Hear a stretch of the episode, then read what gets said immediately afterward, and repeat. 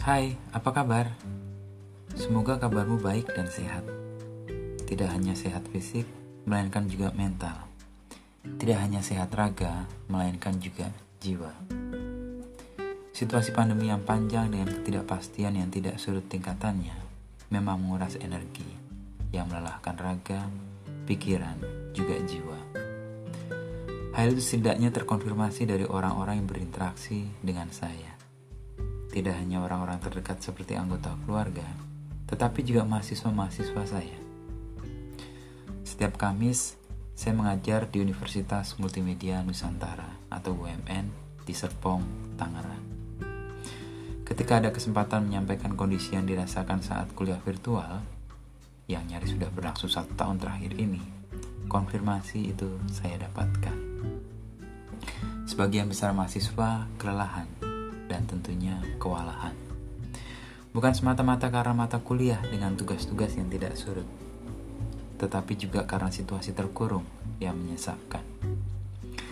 Dari sebagian besar yang kelelahan itu, semua menyebut soal kesehatan mental sebagai hal yang mereka khawatirkan.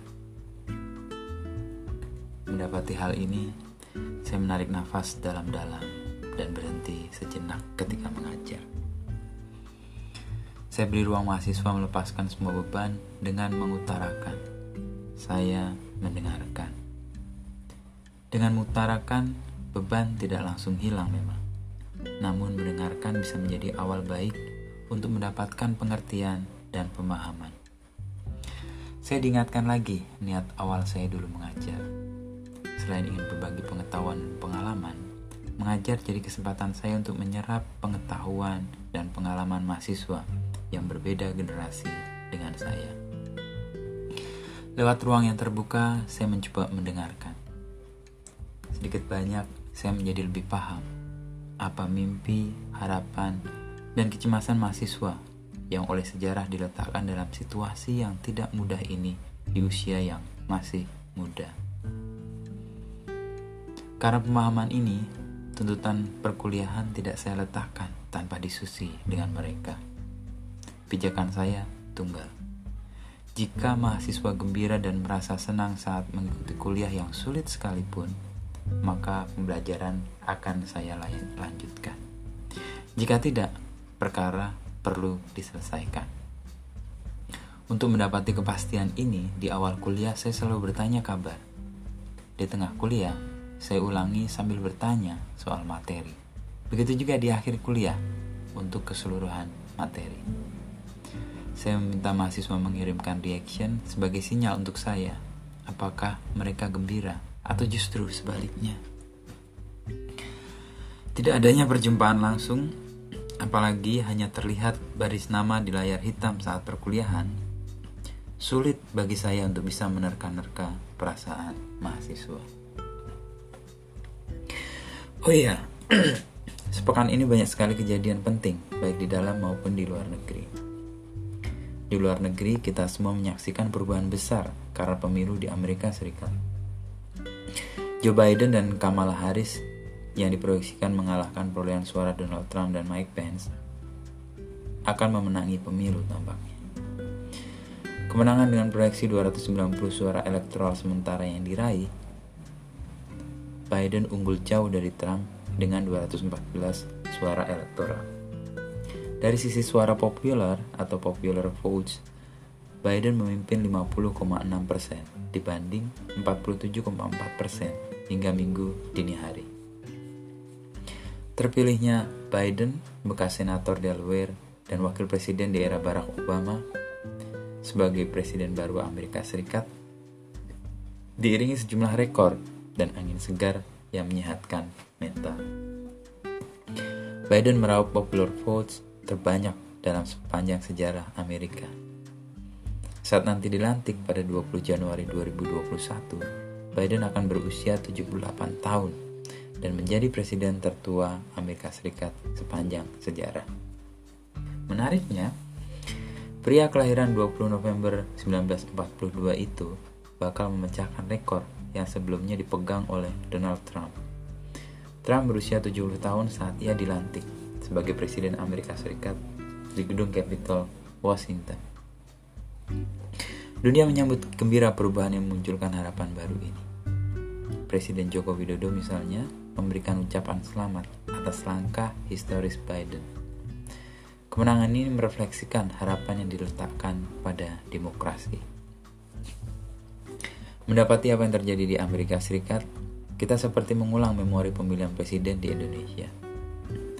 Mayoritas teringat Pilpres 2019 yang mempertemukan Jokowi dan Prabowo dengan semua dramanya. Namun jika ingatan kita lebih panjang, apa yang terjadi di Amerika Serikat mirip juga dengan Pilpres 2004 di Indonesia.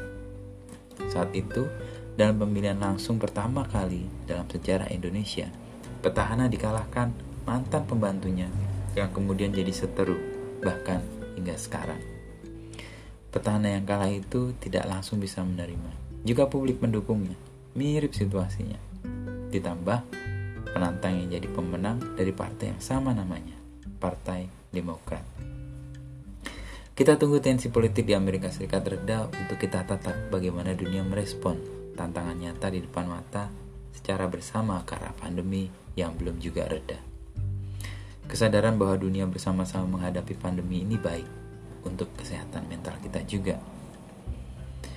Di dalam negeri, pekan lalu dibuka dengan penuh keyakinan lewat penandatanganan Undang-Undang Cipta Kerja oleh Presiden Jokowi. Namun keyakinan penandatanganan undang-undang berisi 1187 halaman itu disertai dengan kesalahan ketik beberapa pasal yang menimbulkan banyak pertanyaan dan gugatan. Kesalahan demi kesalahan yang terjadi sejak awal Undang-Undang Cipta Kerja disiapkan ini menambah kesan bahwa pembuatan dan penyusunan undang-undang ini ugal-ugalan. Ada kabar tidak menyenangkan juga minggu lalu, yang betulnya sudah bisa kita prediksi. Indonesia resmi masuk masa resesi. Badan Pusat Statistik atau BPS melaporkan produk domestik bruto atau PDB Indonesia pada kuartal ketiga 2020 minus 3,4 persen year on year. Pada kuartal kedua 2020, ekonomi Indonesia juga terkoreksi alias negatif.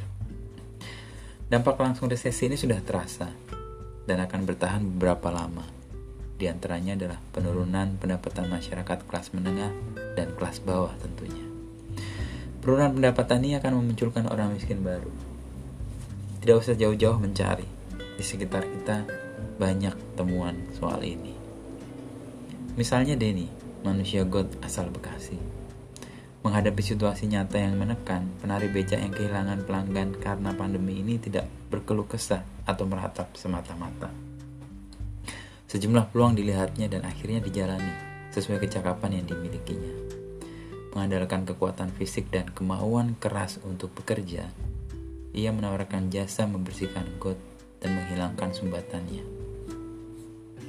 Ketika ada panggilan, got-got berwarna pekat hitam dan bau tidak karuan diselami layaknya penyelam, meskipun tanpa peralatan.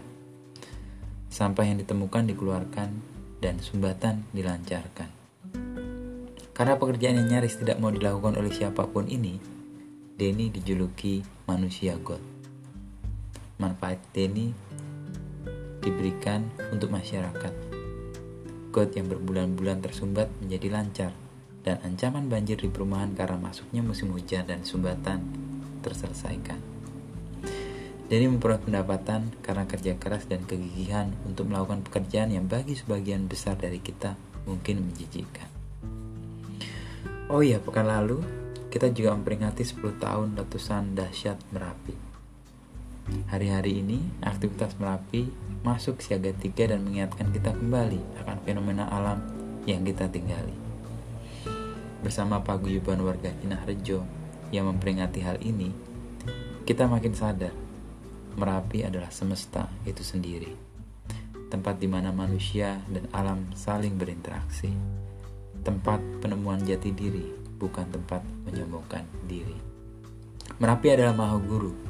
Bagaimana seharusnya manusia dapat mengenal, belajar, memahami, dan hidup berdampingan serta selaras dengan alam.